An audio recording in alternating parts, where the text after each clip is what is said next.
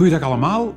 We gaan vandaag spreken over de pensioenhervorming en over wat er op tafel ligt en wat we hopen te realiseren. Uh, ik heb hier twee dames en twee heren aan de tafel. Uh, ik ga ze kort even aan u voorstellen. Aan mijn rechterzijde Simon Laremans. Simon, vertel even wie je bent en wat je gedaan hebt. Ja, ik ben Simon Laremans en ik ben uh, hoofdafgevaardigde geweest in Duracell uh, Batteries in Aarschot. En ik ben nu lid van de seniorencommissie van de Metaal. Dankjewel. Naast jou zit Raymond Smulders. Raymond?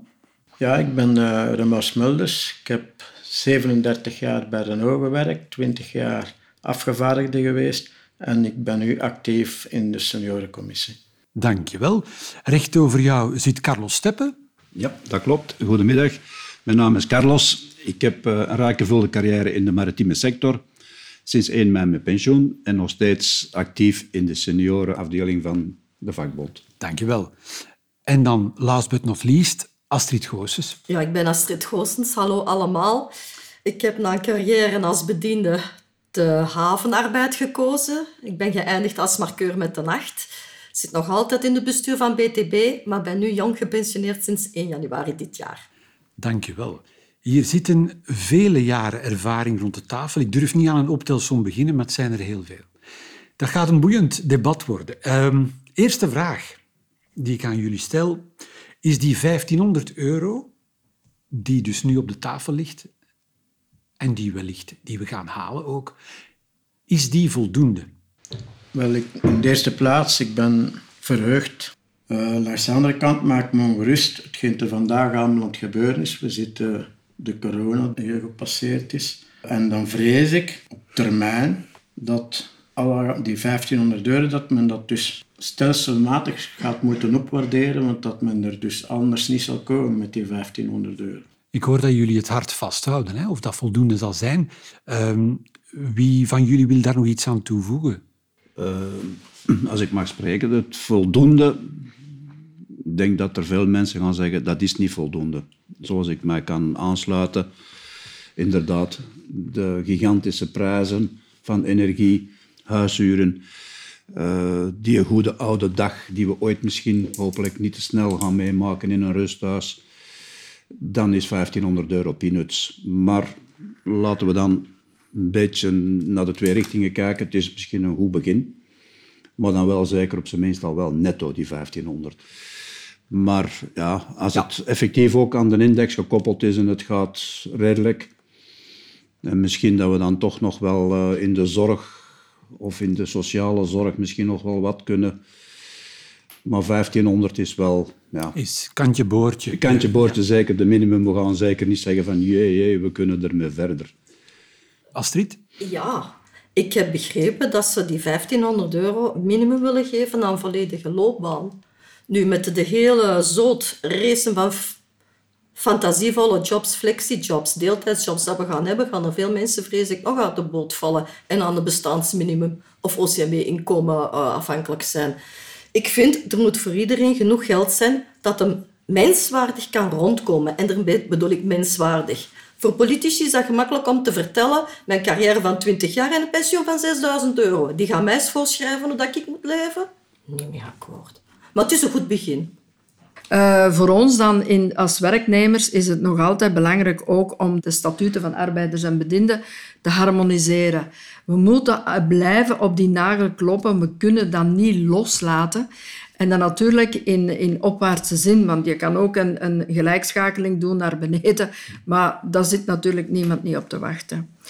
Uh, de problematiek van gelijkheid tussen mannen en vrouwen, en gezien mijn achtergrond van in de vrouwencommissie, dat is al een gevecht dat wij al jaren voeren. En ik voel me nog altijd geroepen om daar blijven mee verder te doen. Niet tegenstaande dat uh, de jongere generatie, vrouwen, dertigers en veertigers, zo het idee hebben van ah, we zijn er, ik ga toch werken, eh, ik heb toch ook een inkomen. Maar dat is absoluut niet voldoende, omdat we merken dat vrouwen nog altijd als eerste stoppen met werken van het moment dat er zich een familiale situatie voordoet. Dus dat probleem gaat dan natuurlijk verder gaan in de berekening van de pensioenen later. Um, Het optrekken van het loonplafond is natuurlijk ook een van de eisen. Ik was al content dat het loonplafond naar 70.000 zou gaan. En uh, ten laatste, want ik wil het niet te lang maken, uh, wat me nog altijd stoort, is dus de gelijkschakeling van de pensioenen voor zelfstandigen. Ik ben niet tegen zelfstandig beroep, ben ik absoluut niet tegen. Maar dat is een groep van eh, ondernemers die alle mogelijke achterpoortjes willen gebruiken om te ontsnappen, om toch maar geen sociale zekerheid moeten te betalen, maar willen wel langs de kassa passeren van het moment dat ze op pensioen gaan. En ik vind dat echt niet oké. De loontrekkende, de werknemers, die hebben altijd sociale zekerheid betaald. Je kunt die keuze niet maken, want uw sociale zekerheid wordt afgetrokken van, uw, van de berekening bij uw loon. Een zelfstandige kan die keuze zelf maken. Dus ik vind dat niet oké. Men heeft daar budgetten ingepompt om die gelijkschakeling te realiseren. En ik vind dat oké tot een bepaald niveau. Maar je mag niet vergeten dat de werknemers jaren afgedragen hebben aan de kas van de sociaal zekerheid. En wat ik ook belangrijk vind natuurlijk. Hè. Dus we moeten daar toch wel een beetje voorzichtigheid ja. mee. En, en, rechtvaardigheid. En rechtvaardigheid. Ja. Dank, dank je wel, uh, Simon. Voor ik naar mijn laatste vraag toe ga, wil er nog iemand aan die vorige vraag iets aan toevoegen? Uh, in verband met de tweede pijler. Mm -hmm. Nu, uit ervaring weet ik, bij Renault Vilvoorde hadden we dus, hadden we dus een tweede pijler. En wat hebben wij dus vastgesteld? Men heeft dus de mensen die als in pensioen gingen, uh, voor de arbeiders was er een systeem van, van berekening, voor bediendes was er een systeem van berekening en voor kaders was er een systeem van berekening. Het ligt voor dan de arbeiders, de formule dat men toepast voor de arbeiders, was minder dan de bediendes. De bediendes hadden meer als de arbeiders, maar de formule van de kaders, die hadden ook meer. Die hadden meer als de bediendes en die hadden meer, nog veel meer als de arbeiders. Vandaar dat wij dus in, in het verleden uh, daar dikwijls op gediscussieerd hebben met de directie, maar we zijn er dus niet in geslaagd geweest. Uh, maar ik, ik, ik, herinner me nog goed dat Frank van den Broeke, in de tijd als hij uh, minister van Pensioenen was, mm -hmm. wel een belangrijke zaak heeft aangepakt uh, om dus te proberen, ik had de pensioen, want toen was er ook al de, de pensioenproblematiek, van dus eventueel de tweede pijler, het aanvullend pensioen, het aanvullend pensioen mee aan te sluiten aan het pensioen. Mm -hmm. In plaats van het dus in een pakket, in een pakket te geven, dat men zei, verlassen, dat pakket van groepverzekering gaan we dus verdelen per maand, dat de mensen dus dat bedrag gingen hebben, wat dus uiteraard ging bijkomen bij het pensioen. Hè. Nu, dat is uh, spijtig genoeg, dat is niet doorgegaan, maar het was in ieder geval wel iets belangrijk en ik denk dat we er straks over bezig geweest zijn, dat dat toch wel eens een zaak moet zijn dat, dat terug moet aangepakt worden. Ik vind over de eindeloopbaan, wij zouden terug onze landingsbanen de mensen de mogelijkheid moeten geven vanaf 50 jaar uit te bollen. De themaverloven die vind ik fantastisch. Dat is een heel goed systeem geweest. Ik hoop alleen maar dat ze dat ook met de gelijkgestelde dagen behouden. En niet dat ze zeggen van, oh, je hebt een themaverlof gehad, het telt niet meer mee. Of het telt nog maar deels mee voor je pensioen. Dat we daar zeker voor waken dat dat niet uit handen wordt gegeven. Maar landingsbanen terug vanaf 50, want er zijn veel jobs. Zwaar. Wat voor een een zware job is, is voor de ander misschien gemakkelijk te doen. We zijn mensen, we zijn allemaal anders. Ik ga hem niet uitspreken over zware, niet zware beroepen, maar de mensen moeten, als ze echt beginnen op hun moeilijke dingen te lopen, die moeten de kans krijgen van op een menswaardige, rustige manier te doen. En dan vind ik wel dat er zo stilletjes dan ook, lekker als vroeger, terug vervangingsplicht mag komen, dat de jongeren ook aan de bak geraken. Dank je wel. dan kom ik tot mijn laatste vraag. Um, even kijken naar de, naar de politiek. Hè. Um, worden de belangen van de gepensioneerden wel voldoende behartigd? Hè? Is, is het thema van de gepensioneerden, is dat wel belangrijk genoeg voor de politiek?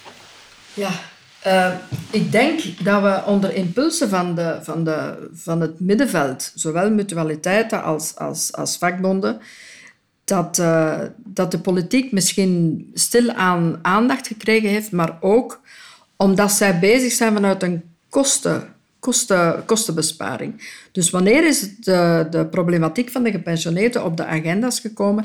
Dat is van het moment dat er uh, de studies uitge, allez, uitgevaardigd zijn van oei, de vergrijzing komt op ons af.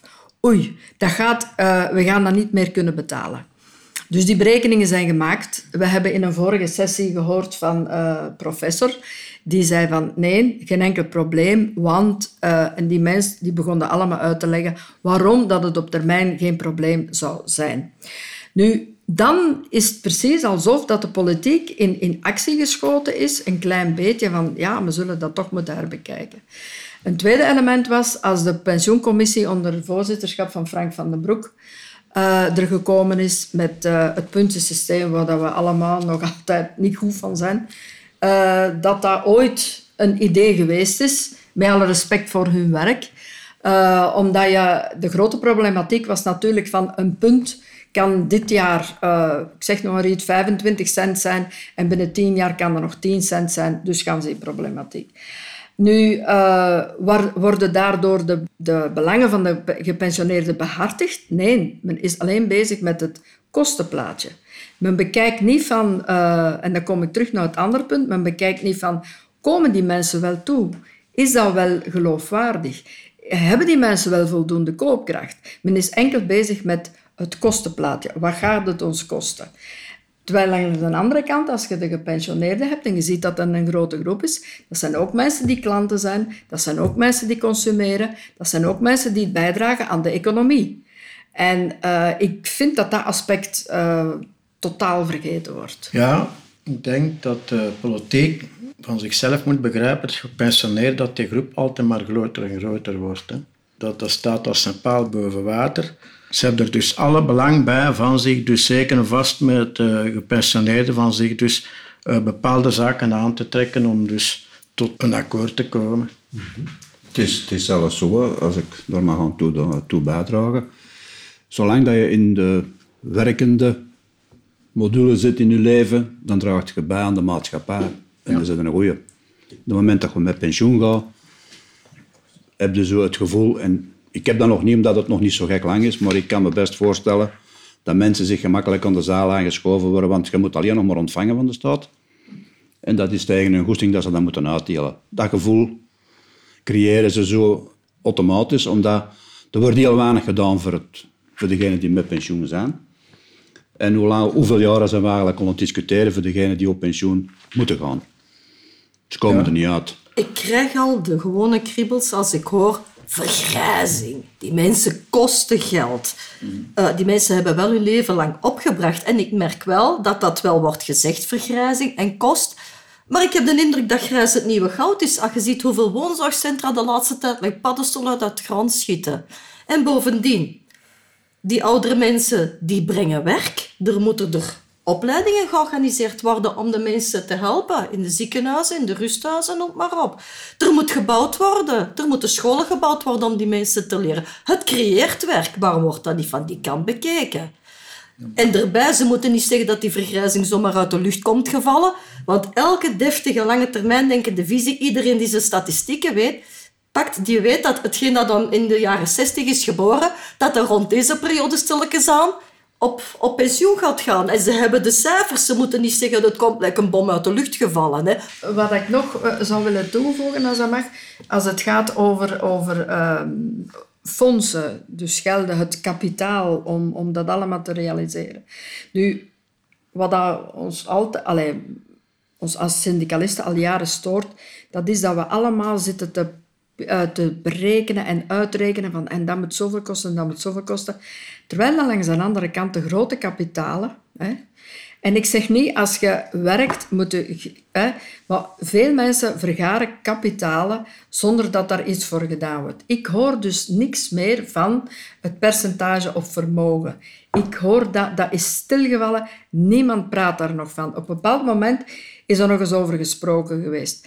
En als we dan teruggaan naar de ouderen en de vergrijzing, ja, ik gebruik dat woord ook niet graag, maar dat wordt echt zo'n een, een kleverig op, opgeplakt, dan zeg ik, waar zijn wij nu mee bezig? De grote massa is onder elkaar aan het kibbelen om te overleven, terwijl dat de 1% die al het kapitaal in handen hebben, die, die trekken zich er niks van aan. Wilt dat nu zeggen dat wij dat moeten gaan afpakken? Ik weet het niet. Maar ik vind dat er een herverdeling moet komen in functie van de ouderen of van iedereen, of iedereen die slachtoffer geworden is van, van eh, zijn werk te verliezen of die slachtoffer is van een langdurige ziekte, dan moet dringend iets aan gedaan worden. Als ik het nog maar hoor over de gehandicaptenzorg, al die dingen, Allee, het, het verontrust mij. Als wij zo nog 10, 15 jaar verder doen, dan hebben we een groot probleem.